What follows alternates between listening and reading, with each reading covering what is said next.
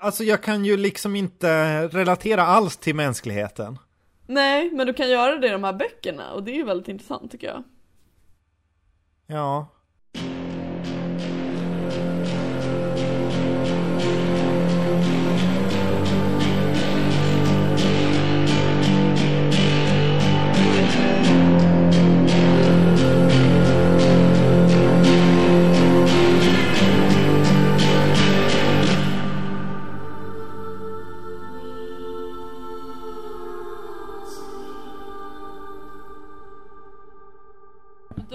Den som säger så här, välkommen till ett eget rum. Är det det nu alltså? Är det liksom... Ja, det- Ja. Ja men det, det får du vara för nu, för jag vet faktiskt inte vad det är för avsnitt. Välkommen till avsnitt 22 av ett eget rum och nu är äntligen Tuva tillbaks. Yay! Från sin, eh, vad heter det, sin, eh, frå, ja från en, Karantän. från karantän. Jag vet inte vad du har, du har ju haft, du har ju haft blindtarmen som man säger. Ja, fast det hade jag väl ändå, Hade du haft det senaste podden? kanske inte. Det tror inte jag. Nej, Alltså, alltså det var länge sedan vi spelade in ett avsnitt. Det händer så jäkla mycket i ditt liv, alltså på typ en vecka i ditt liv, det motsvarar ett, ett år för mig i saker som händer. Det är svårt, att reca- det är svårt att recapa, du har varit i Paris igen. Ja.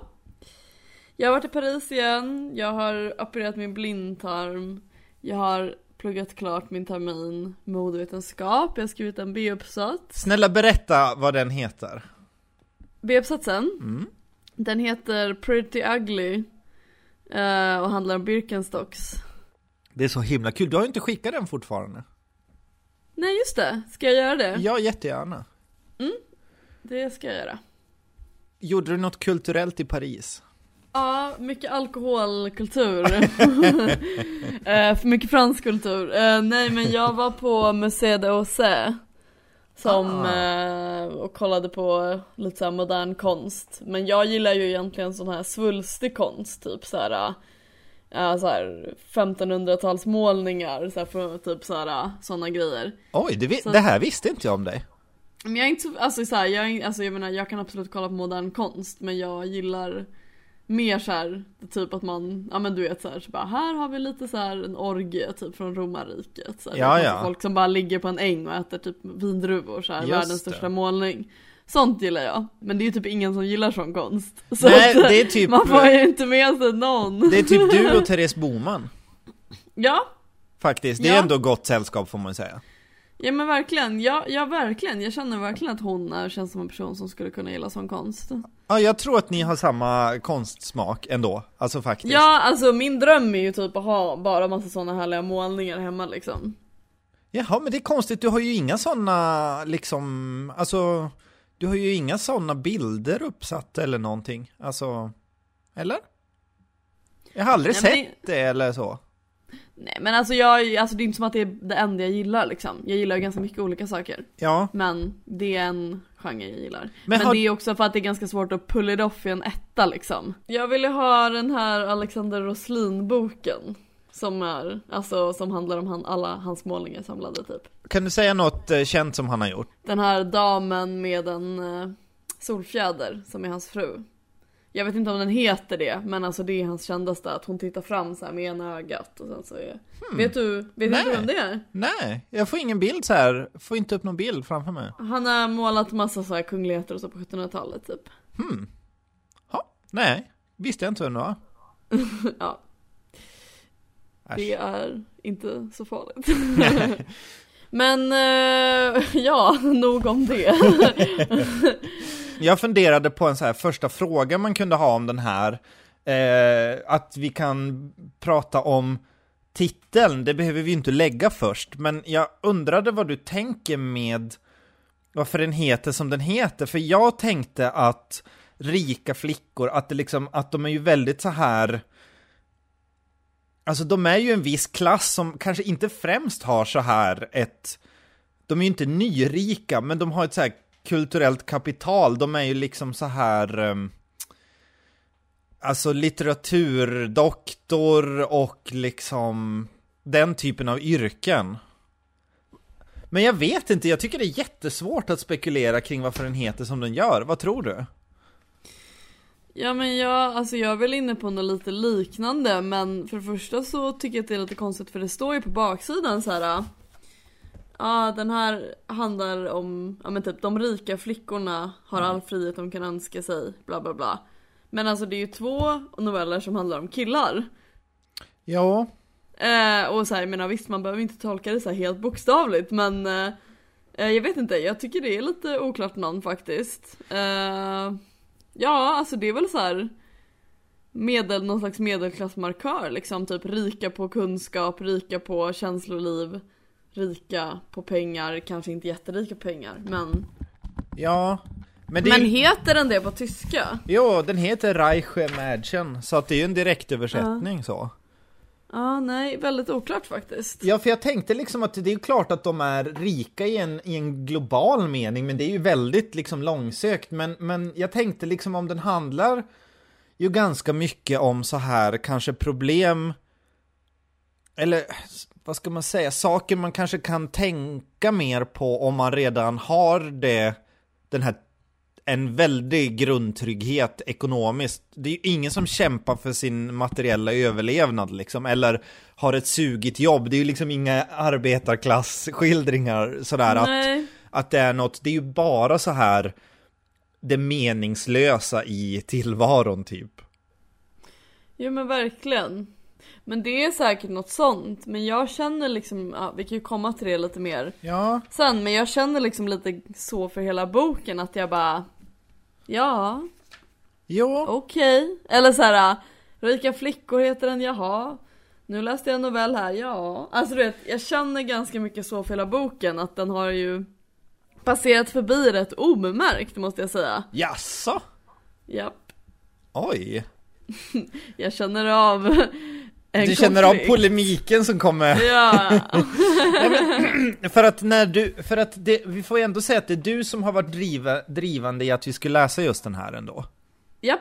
Och- Eh, men det roliga med den här är att det här är en sån här bok som jag har haft på min Adlibris wishlist i säkert åtta år. Ja. Och då har jag liksom glömt bort dess ursprung. Alltså jag har glömt bort Jaha. varför jag har lagt till den.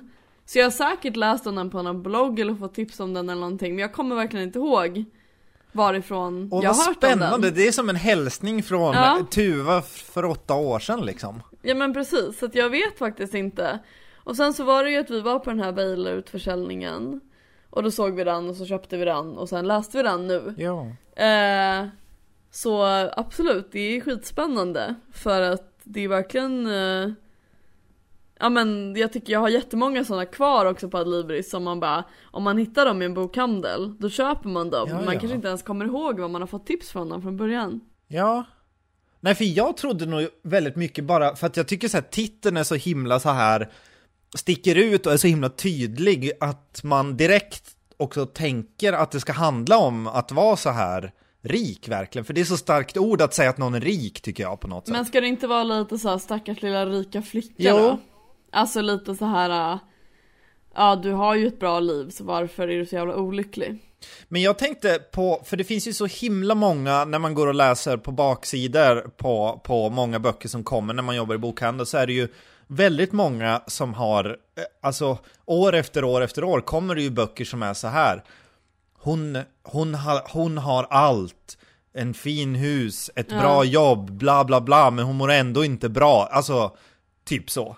Alltså att Ja. det, är så här, mitt liv är perfekt, men jag mår crap. Och det är liksom förutsättningen för boken. Men så Ja. är ju inte, den, det, ju, det beskrivs ju aldrig den kontrasten här. Alltså det är ju aldrig att det står så här, liksom som i början på Fight Club, att det är så här, åh jag har liksom min perfekta lägenhet, bla bla bla. Det är ju inget sånt någonsin. Det är ju inget så här frossande i, i Men jag, jag, tror inte materiella... att, jag tror inte att den här boken har det för att den har ju inte den approachen för den Nej. är ju lite mer så här finkulturell. Men hur som helst så kan vi säga vilken bok det är kanske. Den heter då Rika flickor och det är noveller av Silke Schauerman eller Schuerman. Och den är utgiven av Weilers förlag och den är från 2005. Ja, fem, ja. Ja. Så att det var väl någonstans då kanske som jag såg den och bara ja. Eh, och eh, vi kanske ska börja prata om omslaget. Ja, Omslaget är ju, Det här, jag måste bara säga innan du säger någonting. Det här känns så himla du, det här omslaget. Ja, jag vet. Men alltså grejen är att jag tror typ att jag kan ha fallit för den här boken endast på grund av dess cover. Ja. Alltså för att den är jättesnygg, den är verkligen så här. ja uh, det är en bild på en naken tjej. Det är så du! Nej men, det är, det är en bild på en, ja, seemingly naken tjej som sitter i så här blått ljus. Och sen är det så här väldigt clean typ typsnitt och så vidare så här. Mm. Eh, och den ser verkligen ut som ett så här snygg tidning, typ så här mm. omslag på någon sån här artsy tidning typ. Hon ser eh. lite ut som en ung Scarlett Johansson, Tänk, har du tänkt på det? Mm. Men, men hon, ser, hon ser ut som en typisk modellutseende, verkligen. Ja, nej men alltså det är en jättefint omslag, tycker jag. Eh, dock vet jag inte riktigt om det kanske egentligen passar så bra till boken. Jag tänker jättemycket på så här att det är eh, på typ den här, vad heter den? Visst har du läst den också? Justine Levy, heter hon så? Visst, ja, har, visst har vi pratat ja. om henne? Eh, jag har läst den här, uh, vad heter den nu då? Jag väntar på Place Clichy, typ. Eller jag väntar på Place Sorbonne eller något sånt där. Ja, just det! Jo men det är ju den jag har läst också. Ja, den tyckte jag var jättedålig. Ja, det, det var så mm. det var och jag tyckte den var jättebra. Ja. Ja. För jag tänker mig väldigt mycket det så här, att det är så här en intellektuell så här europeisk person, alltså ja. som är så här, de har så här vuxit upp i en fin våning i en liksom storstad i Europa och har, har liksom läst så här Proust när de var 14 liksom. Och de är jättesnygga ja. och allt är bara tomt liksom, och jag älskar ju sådana böcker. Ja, vi kanske kommer till det förut eller sen, men eh, att jag gjorde det förut, men jag vet inte om jag gör det längre. Nej. Sådana böcker. Men alltså den är ju skitsnygg liksom. Ja, jag ty eh, tycker du att och... den känns ganska 90? Jag tycker den känns super 90 på ett snyggt sätt. Alltså lite som tidningen Bibel på något sätt, den formgivningen. Ja, men verkligen. Men det känns ju lite så här. Jag vet inte, det känns som att de har gjort det här omslaget för att typ exakt fånga in folk som mig som ja. ska läsa den. Ja. Eh, men sen så kanske inte finns jättemycket innanför pärmarna. Tycker jag då. då. Ah, eh, så. Men... Nu gör du eh, Svante ledsen, han pratade ju väldigt varmt för den här boken. Ja. Kommer du ihåg det? Ja, det gör jag. Men eh, jag läste en recension också, då hade den fått en bra recension. Mm. Av typ Malin Ullman eller Ullgren i ja, DN. Men det var ju länge sedan. Men eh, ja, men jag kan ju förstå att den inte har slagit så mycket i Sverige. Men noveller slår väl typ aldrig i Sverige känns det som. Nej, alltså det känns verkligen som att noveller är så himla svår form och jag tycker också det. Jag, alltså jag väljer alltid romaner före noveller. Alltså det kan verkligen vara bra men du vet såhär man bara Mycket roligare att läsa en roman. Jag vet inte varför. Hmm. Vad tror du? Alltså jag är ju sådär, jag blir aldrig sugen på att läsa noveller och jag var faktiskt Nej. inte så sugen på att läsa den här Alltså att det är noveller stod jättemycket emot för min läsning liksom. Ja. Men jag, jag blev jättepositivt överraskad och jag kommer nog läsa mer noveller nu känner jag. Ja, vad kul. Ja, jag ska läsa den här Kärlekens brutala språk tänkte jag också. Men den vill jag också läsa. Ja. Vi får ju se hur det går. Vad? Nej men det känns också som att den kommer vara typ exakt som den här. Tror du det? Ja. Nej men inte exakt såklart, men jag tror att det kommer vara lite liknande. Så tror du inte att den kommer vara mer trashy liksom? Jo, jo det tror jag. Men jag tror fortfarande att jag kommer att bli besviken typ. Mr Moody here. Ska vi säga någonting mer om omslaget? Ska man läsa in någon sån här symbolism i att hon är väldigt så här instängd eller någonting sånt? Naken och instängd, eller? Ska vi inte säga så? Är det för Ja, jag vet inte, alltså boken handlar ju lite om så här sex typ, men ja. jag vet inte. Alltså så här rätt så här äh, cleant så här, bara helt utan känslor sex. Men tycker typ. du inte omslaget är så? Jo, precis. Ja. Alltså, så att det passar ju bra. Egentligen är det ju då ett perfekt omslag, för den drar in exakt den, publiken som Gillar cleant sex utan känslor. Exakt, exakt typ du då, eftersom du gillar boken. Ja, men har du jag. gått vidare från det? Vad gör du nu egentligen? Jag älskar. Jag älskar. Jag älskar. Boken handlar ju lite om så här sex typ. Ja, det är en bild på en naken tjej. Jag älskar. Älskar, älskar. Så här en orgie typ från romarriket. Folk som bara ligger på en äng och äter typ vindruvor. Och älskar. Sånt gillar jag. Let's get it on. Sugar, let's get it on. Orgie typ från romarriket. Sånt gillar jag. We're all sensitive people with so much to give. Älskar, Understand me, sugar, älskar. since we got to be here. Let's live. I love Ja precis, det är sånt jag sysslar med. Ja, Mer. I wish.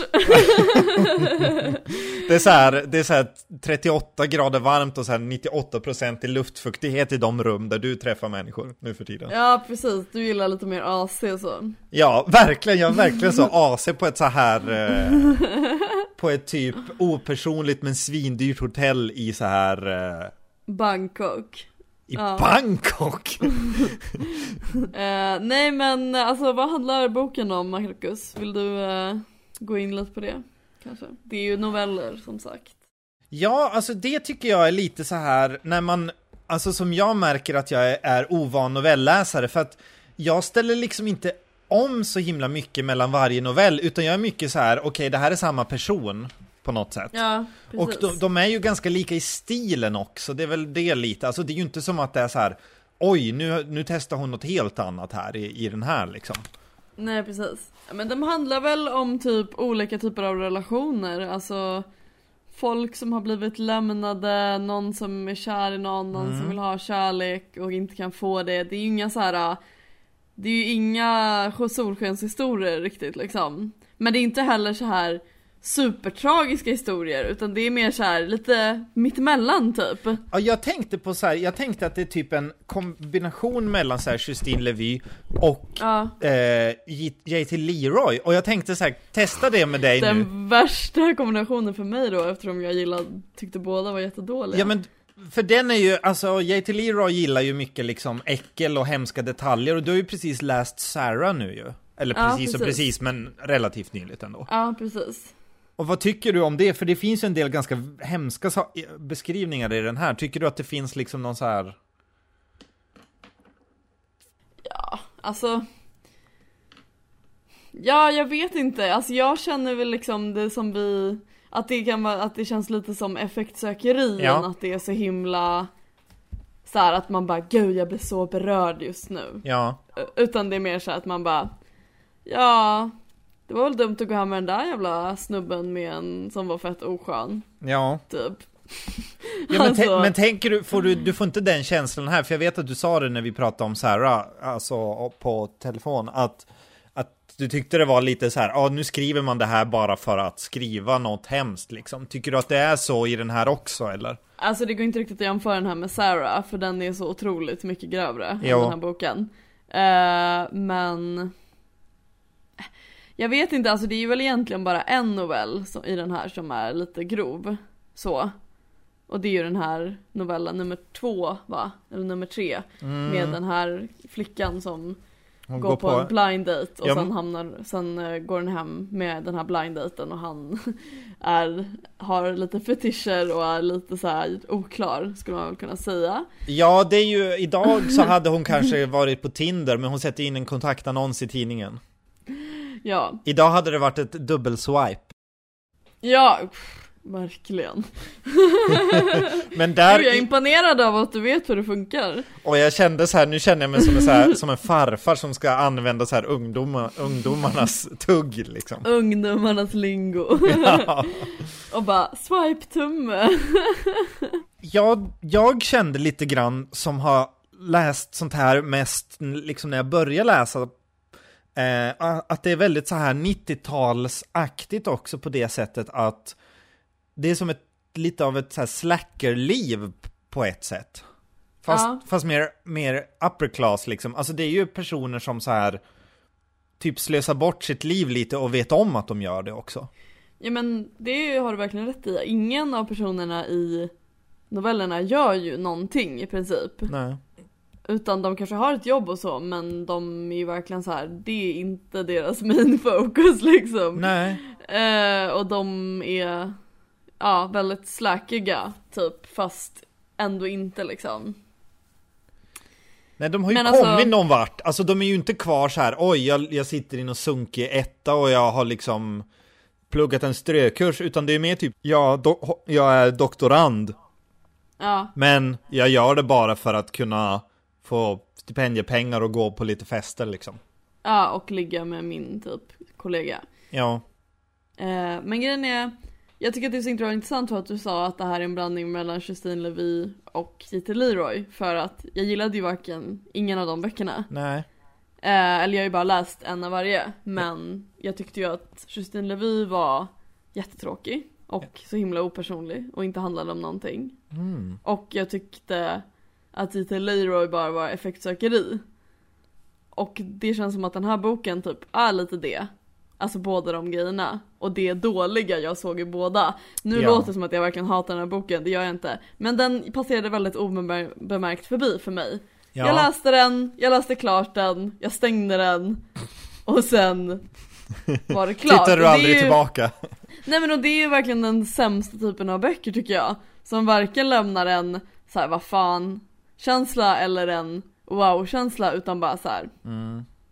Ja, det var väl en normal novellsamling om kärlek. Berörde mig i princip ingenting. Förutom första novellen som jag tycker var väldigt bra. Var det den krig eller fred?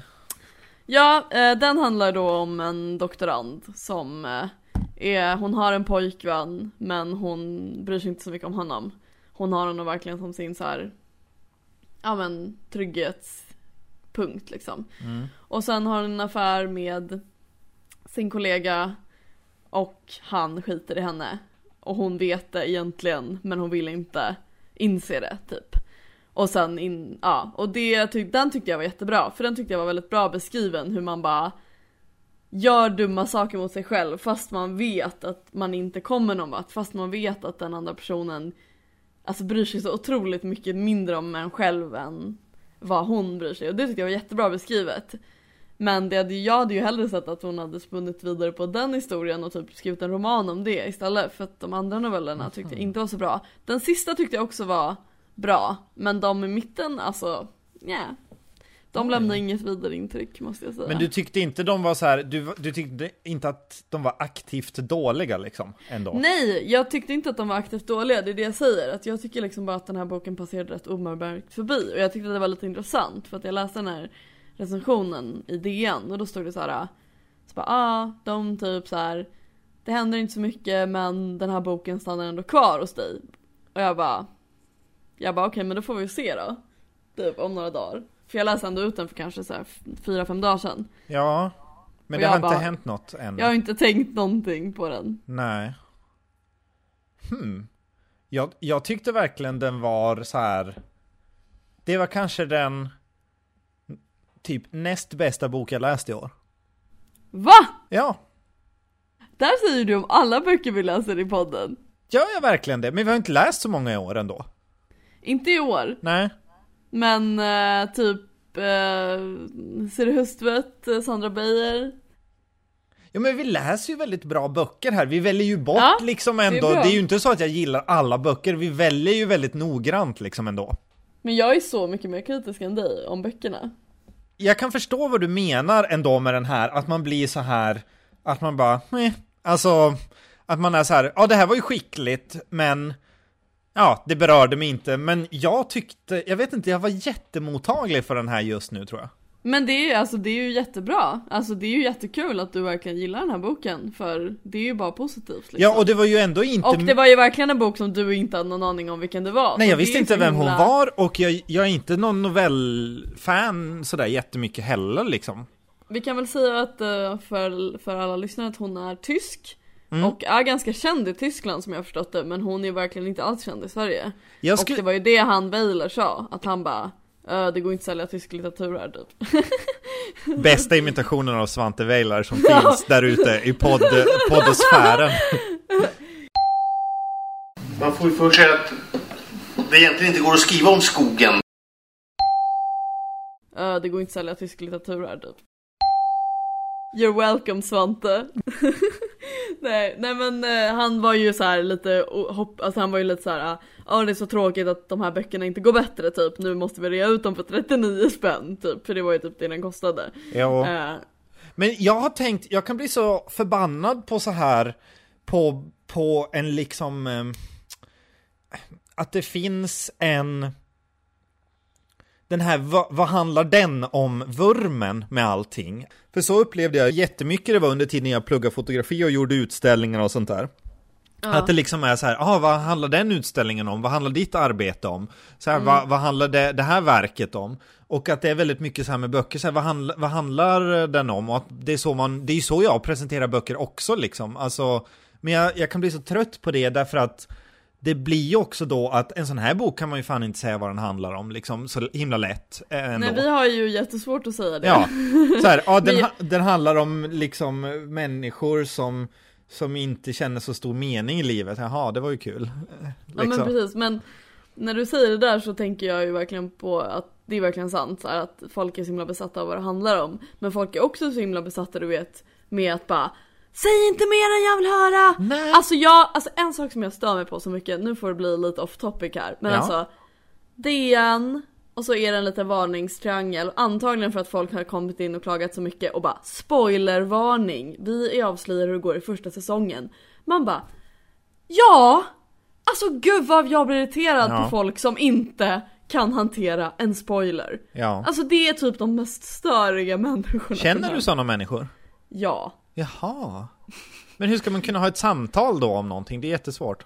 Ja men alltså du vet, det här är ju så här folks värsta rädsla att någon ska säga typ vad som händer i typ, vad, Ja. jag, vad vet jag, True Detective säsong 2. Ah, säg inget! det... jag har inte sett det. Det har jag gjort, den är jättedålig. Okej, ja men det är bra att veta. Nej men du vet, då skriver de ju alltid så här på DN, så bara spoilervarning och så är det en sån här liten triangel typ. Mm. Så bara, här kommer avslöjas detaljer om hur det går i sången. Och man bara, men hur fan ska de kunna skriva en artikel om det utan att Mm. Ja. avslöja en jävla grej? Vad fan tror ni? För att alltså jag har Ja. på riktigt hört folk som har suttit och bara Det är så sjukt att de skriver typ vad som händer i filmen i recensionen. Man bara, men vad tror du de är till för din jävla idiot? Läs inte då! Alltså hur svårt ska det vara? Åh gud. Alltså, det är ju, om, om det är så här att man sitter i ett fikarum och någon bara helt opåkallat så här säger slutet på en film, det kan man ju tycka någonting om, men när det är i så här DN, alltså vad, som du säger, vad, vad, ska, vad ska man fylla kulturbilagor med annars? Om man inte kan prata om saker liksom. Ja men okej precis så här. man kanske inte måste bara Ja, när Jack ligger där i vattnet i Titanic, då dör han faktiskt. Man kanske inte behöver säga det. men man kan ju bara Åh nej, ja, sjönk Titanic, jag hade inte sett den! Ja men folk är ju typ så. Man bara, ja.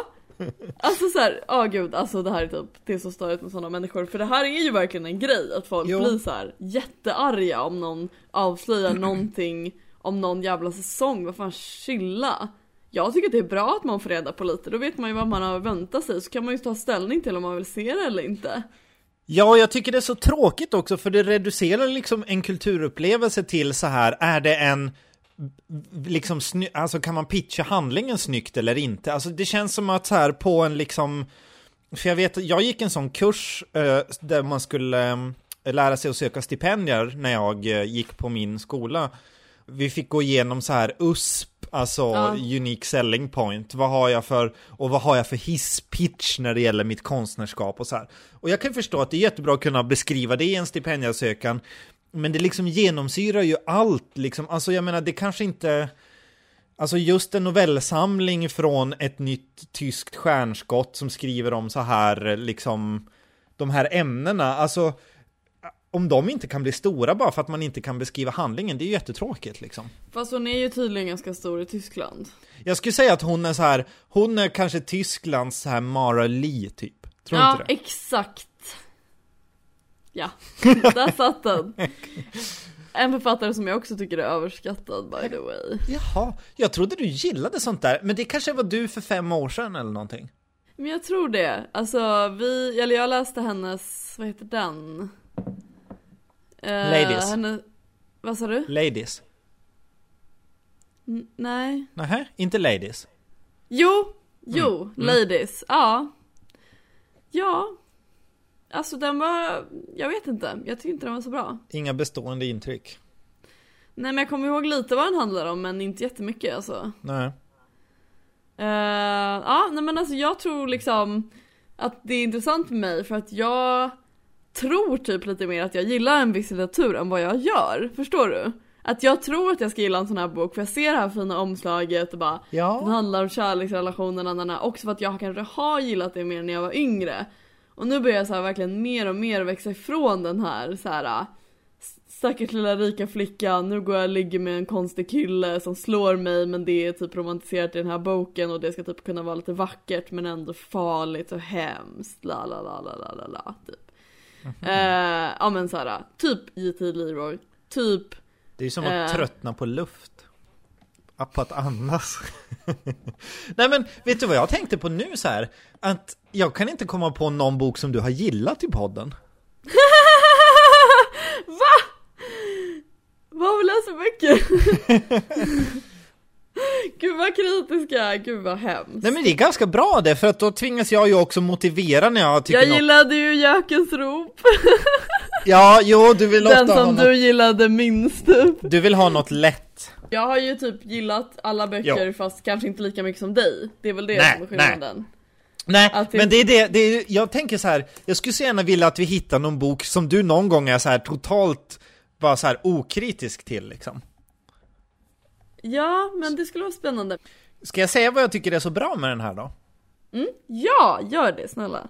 Please do. För jag har tänkt jätte- jättemycket på en sån grej när jag själv har gjort, när jag gör foton och sånt där, eller när jag har skrivit själv, eh, på en grej som Fredrik Lindström sa så här apropå humor, att det är alltid roligare att vara så här specifik och nämna saker, alltså så här verkligen typ inte säga bakelse utan säga Budapest eller liksom sådär. Alltså att man, för att det finns liksom en komisk effekt i, i, i det liksom, att säga så här, vill du ha en Budapest stubbe liksom.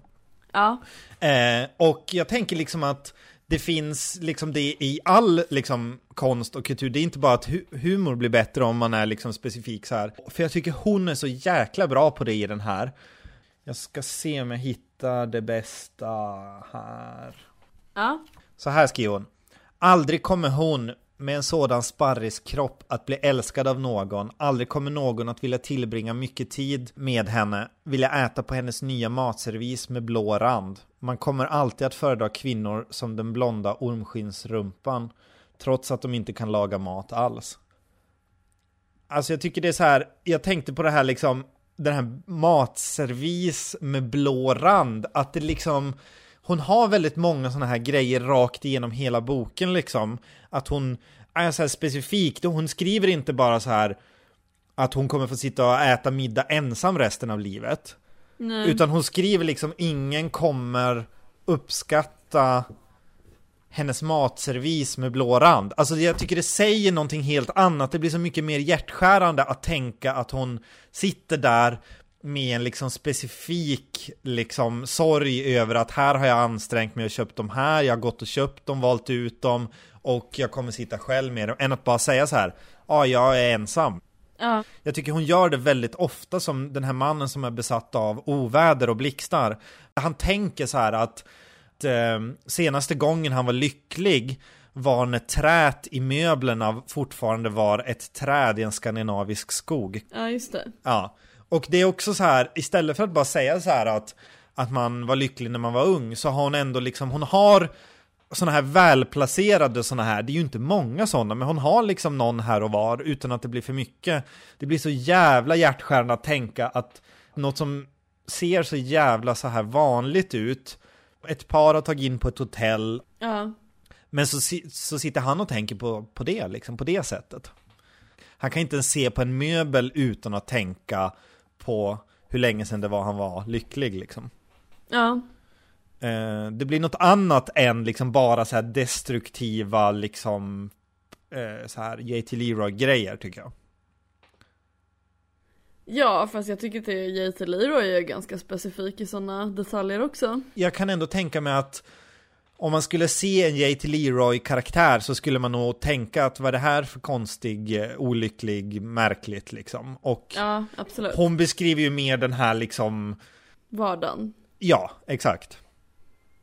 Jo, men jag tycker också att hon har ett bra språk. Jag tycker att det var besk- bra beskrivet. Alltså det är ju väldigt isbergstekniken. Det är väldigt avskalat och så här direkt, lätt, alltså nästan banalt liksom. Ja, Eh, och eh, jag tycker definitivt att hon har flera så här mitt i prick formuleringar men Ja, som jag sagt, för mig blir det ju bara väldigt så opersonligt och så här rycka på axlarna i ja, längden.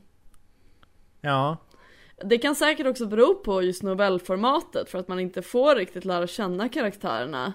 Utan man bara får så här små, små bitar av deras personligheter och då blir det liksom ännu mer opersonligt för mig. För att man inte heller får lära känna dem i hela boken. Förstår du vad jag menar? Ja, ja, ja, precis. Även om karaktärerna är lite likan, alltså liknande flera, är ju ändå lite samma typ av person. Ja.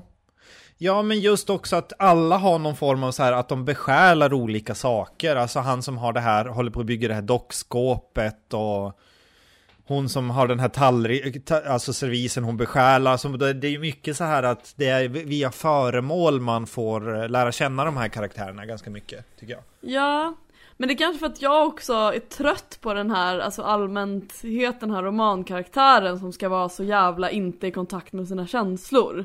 Eller typ som är i kontakt med sina känslor men kan så här, do fucking nothing about it.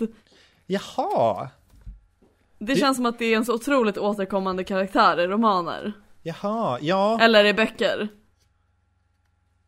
ja så kanske det är. En person som bara, jag vill det här. Och sen bara, fast det kommer aldrig hända.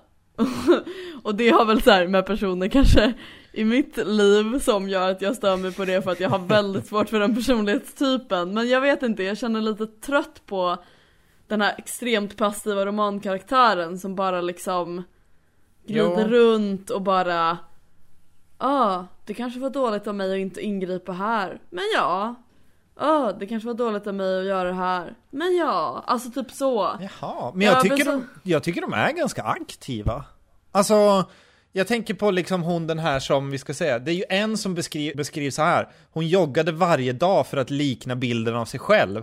Alltså där är det ju någon som kanske gör allt för att inte bli som den känner sig. Alltså, att man har en bild av sig själv eh, som man upprätthåller fast man kanske har gett upp. Jo men i situationerna som händer i Ja. novellen så gör de ju ingenting. Alltså de kanske gör andra saker, men i själva situationerna som uppstår. Mm.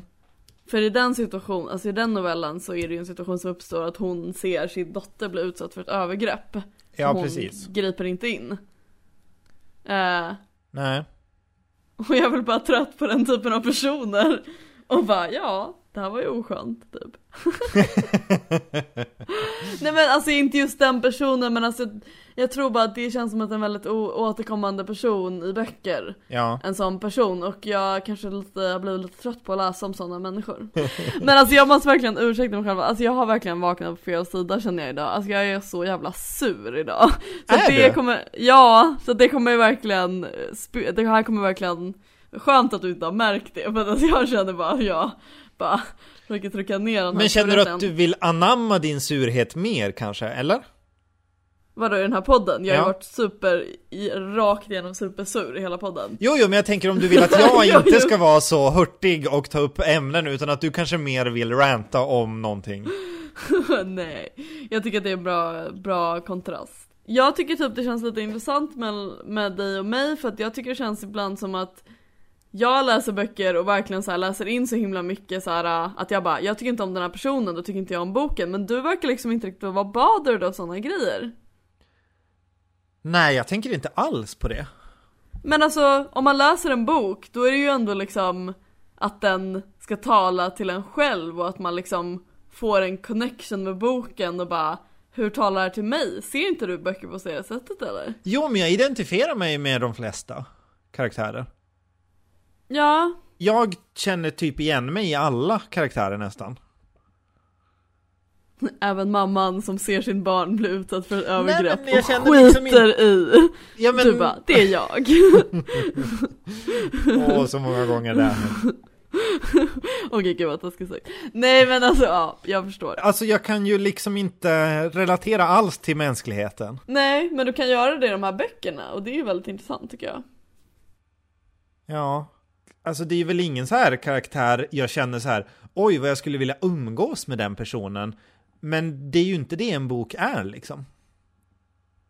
Nej, det är sant men alltså jag tror bara så här, jag förstår verkligen vad du vad du menar men man kan ju fortfarande bara, äh, jag blir ändå trött på att läsa om den här samma typ av karaktär Jo, hela det, tiden. det kan jag förstå, men jag tänker just det här med att det är en osympatisk karaktär tycker jag liksom inte har något att göra med om jag kan i, Nej gilla men då den måste eller... de ju förankra det bra, då måste de ju liksom få en att sätta sig in i den personens tankar och det tycker inte jag att den här boken gör för att det är för kort, det är för vagt och det är för, det är som dussin bok för mig det här.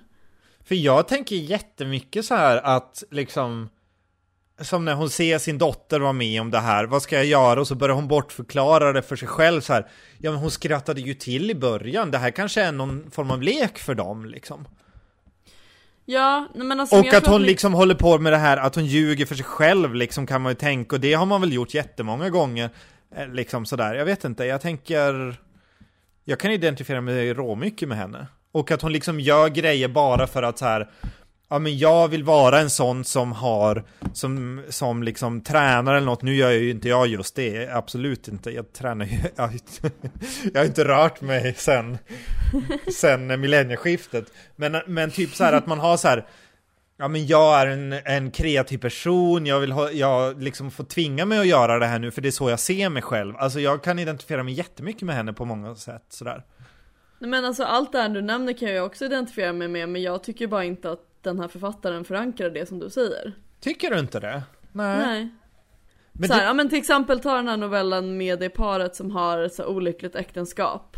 Men det är Mm. så här, man fattar inte riktigt vem kvinnan är för hon har fått typ inte alls någon beskrivning. Man fattar lite vem mannen är men det är inte så jättebeskrivet heller. Det är lite så här ljummet, sen bara ja Okej, de flyttade in på ett hotell. Alltså för mig är det väldigt så att jag bara, ja ah, men ja, alltså du vet så här. Det berör mig inte för att det är liksom, det är inte någonting mer, det lyfter inte. Det blir fortfarande, det blir så himla platt liksom. jaha. Och jag vet inte om det är novellformen eller om det är att jag är trött på den här genren Ja, eller ja. om det är att jag bara inte typ, det här är inte min typ av bok. Men alltså det intressanta var ju, du sa ju, ja ah, det här är en blandning mellan J.T. Leroy och, eh, vad heter hon? Levi. Levi. Ja, och de gillar ju inte jag. Nej. Så då kanske bara det här inte är min typ av bok. Nej. Men det är konstigt att du dras till dem ändå såna här. Ja, jag vet! Jag vet! Du dras till det- fel böcker! Ja men, story of my life. Nej men jag vet inte, men jag tror liksom bara att, att, för vi pratade ju om det här för några dagar sedan, att jag typ tror att jag gillar såna här böcker men jag gör inte det och jag har börjat inse det mer och mer och jag gillade verkligen sånt här mycket, mycket mer när jag var yngre men nu har jag typ börjat tröttna på sånt här tror jag. Ja men det är ju det, vet du vad det är Ja. det som är det intressanta? Att jag har ju varit där du är för några Ja. år sedan Men Ja. jag har ju börjat Du regrediera har kommit nu tillbaka! Ja men jag har ju börjat regrediera och typ är så här Ja men som jag hade för ett år sedan att jag skulle, att jag skulle börja klä mig indiekläder igen som jag sa till dig Ja! Ja! Att jag så här, jag börjar liksom vilja gå tillbaks till allt jag gillade förr Jag är jätte, jättemycket så nu ju Men det är intressant för att till exempel så här, jag tycker ju väldigt mycket om Sara Stridsberg och har läst alla hennes böcker och sen så läste jag ju hennes senaste nu, det var ju ett tag sedan i och för sig men jag har lä- jag läste den i alla fall. Och du vet såhär, jag tycker fortfarande att den var bra men jag kände absolut inte att jag tyckte den var lika bra som de andra böckerna. För att jag blev trött på hennes grej, för att hon har ju, har du läst hennes böcker? Ja, ja, ja. Ja, för att jag tyckte att den, jag bara så här. Jag är trött på att läsa om någon sån här sorgsen flicka, massa självmord, sinnessjukhus, alla kallas baby, himlen är alltid rosafärgad, Åh, jag får gåshud nu när du säger det här. någon som nyper någon, alltså du vet så här. Nyp. Det är exakt, ja men det är typ en metafor hon skulle kunna använda, så här, att någon nyper någon i kinden och så blir det så här rosa. Ah, okej. Och så såg himlen ut typ. Åh, gud vad fint. Ja, jättefint tyckte jag när jag var 17. Ja. Jo, men det är ju där jag är nu igen. Jag 17, vet. min indie-tid. Det, är ju då- det är ju det jag vill läsa om nu liksom. Och jag ska snart fylla 25 och jag har blivit skitcynisk och Jo, men- bara, jag jo, men- orkar inte med jobbiga människor som Jo, men- är men destruktiva. det är exakt där jag har varit ett tag liksom. Men då har vi ju solved the problem. Jo, men då kommer vi ju kanske alltid vara ur fas med varann. Men jag tänker så här, om ni är som jag, en cynisk människa som är trött på folk som bara snackar skit och bara så här, öh, fan skärp er. Då ska ni inte läsa den här boken. Men om ni känner lite mer att ni som Marcus går tillbaka till er tonårsfas och så här älskar så här sköra människor i spetskläder som går så genom natten. Då ska ni läsa den här boken. Kanske barfota till och med. Till och med det. Och de reagerar inte om de går på en glasbit ens. Ja men exakt, de bara det är bara smärtan jag känner innerst i mig som matters. Exakt. Okej nu är inte den här boken så Nej. emo men, Men då, då, då kan ni adda mig på Instagram. Ja alltså Marcus har ju verkligen den mest emo instagrammen någonsin. Det är alltid så här en bild på typ ett kors och så bara hehe typ så här. och sen så bara Åh, här är bild på ett graffiti från Hillared, så bara döden dö. Men det är sant ju.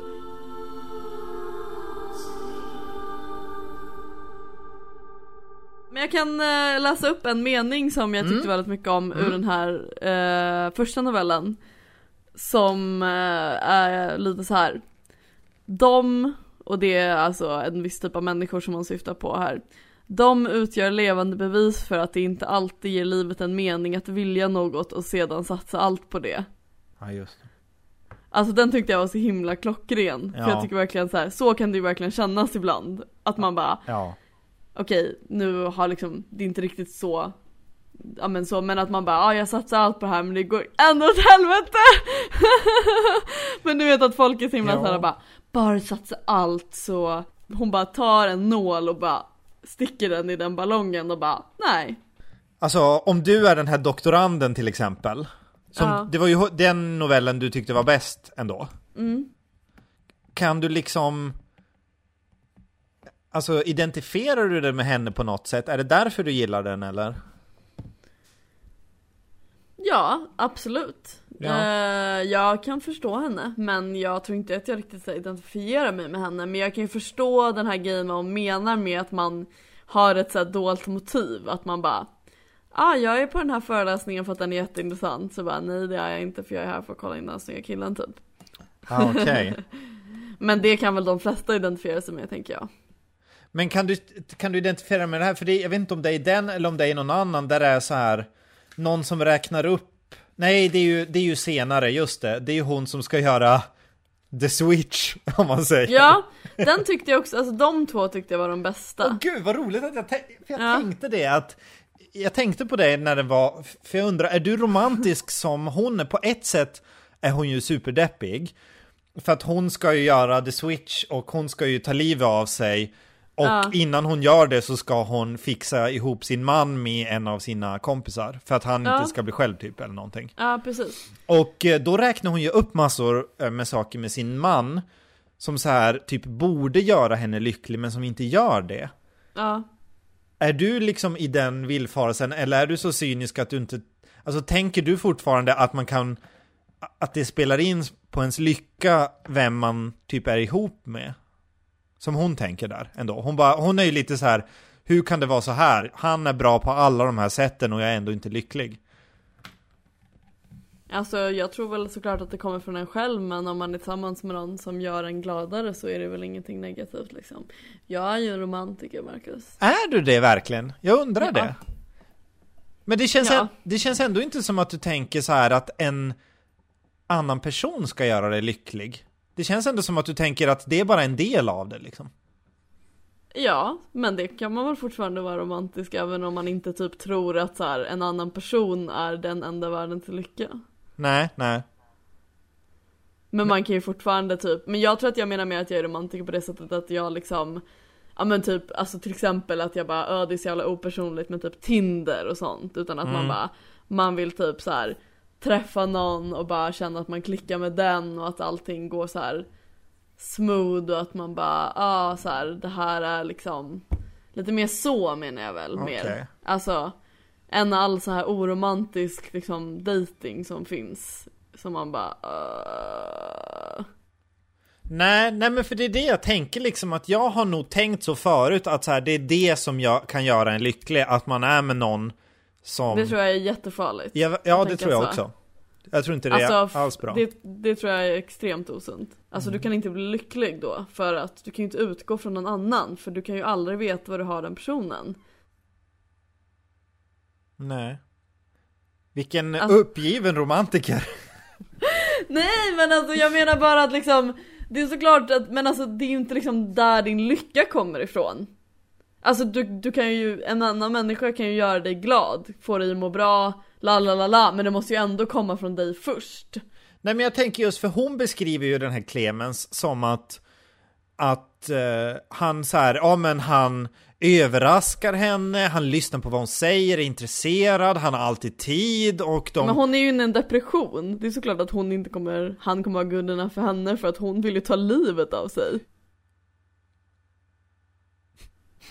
Gud vad deppigt det här blev och du bara var i en relation! Vill du höra min Eh. lista av de äckligaste sakerna i den här, eller vill du inte ha, Jo, höra något mer? jag vill höra, jag, jag vill inte höra mer. Jo det vill jag. Ja. Okej, här är äckellistan från Rika flickor av Silke Scheuerman. Ja, På plats nummer fem. Lisa och Ralfs sexual encounter på sidan 50. Där det står så här. Lisa hade en gröt i munnen så på grund av Ralf Buselfinks ständiga intag av äggvite och vitaminpreparat smakade terpentin och gjorde att hon var tvungen att skölja munnen varannan minut resten av dagen. Jack. så äckligt. På plats nummer fyra. Coca-Colas betydelse på kinesiska enligt en av karaktärerna. Kommer du ihåg det? Japp, det är första. Ja, kommer du ihåg vad det betyder då? Nej, det kommer jag inte ihåg. Kvinnlig häst fylld med stearin. det är alltså betydelsen på Coca-Cola. Så de får döpa om det till typ Keo-Cola eller någonting. Ja, kul! Keo-Cola. De, Keo-Cola. jag tänker att de säger det på skånska. Ja, precis. På plats nummer tre. Att ha sex med någon första gången som tvingar på en slitna lackkläder. Ja, Lite Verkligen. äckligt. ja, det är då hon dödar honom sen. Ja. På plats nummer två, stänga ute katt på balkong. Det kunde jag inte knappt läsa klart och jag kan inte prata om det heller. Så nu går vi vidare till plats Du nummer ett. kan inte läsa det. Nej, det kan inte jag. På plats nummer ett, sitta naken med erektion i skräddarställning. Det är fan inte en bra look alltså. Vilken är det i? Är inte det i den också? I samma... Jo, typ usch. Alltså, jag kan Ja. inte tänka mig en sämre look. Jag ser framför mig tänker mig att det ser lite roligt ut nästan, att det ser lite såhär typ. Jag vet, men det gör mig- skratta. Ja, jag vet inte. Jag tänker så himla mycket att det är så här. Jag tycker nästan det är värre om folk tycker att man har typ en, en lite så här, Men du tycker ändå det är värre än katten? ja, på något sätt. På något sätt. För det är mer, det här är äckellistan också. Ja precis, det är inte djurplågarlistan liksom. Nej, ja, det är nog för att jag tänker så här. Det är mycket värre om man har typ en flamsigt rolig kropp än att man har en typ vidrig kropp. Nu hänger jag inte med. Nej men att om någon skulle typ tycka att man var så här att man var lite sk- Jaha, såg skojig ut naken. Att det är det som folk skulle beskriva en som så här. Eh, att om, om liksom eh, någon Då vill, har- du, då vill du hellre att det ska vara så här, ah, det flyger runt flugor så här som kommer ut så här när han tar av sig kläderna. Exakt, jag vill ju hellre vara Quasimodo än typ Magnus Härenstam liksom. Ja men jag kan inte förstå vad du menar. Eller så här, du vet ballongdansen, kommer du ihåg den? ja. Med så här Lasse Åberg. Det vill jag ju inte vara, du är mycket hellre ett odjur, ett monster liksom. Ah, ja. Åh gud.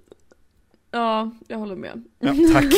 Ingenting jag har tänkt så jättemycket på i min vardag men nu när du väl tar upp det så Men vad skönt Ja. att vi kunde enas här i, i slutet ja. ja.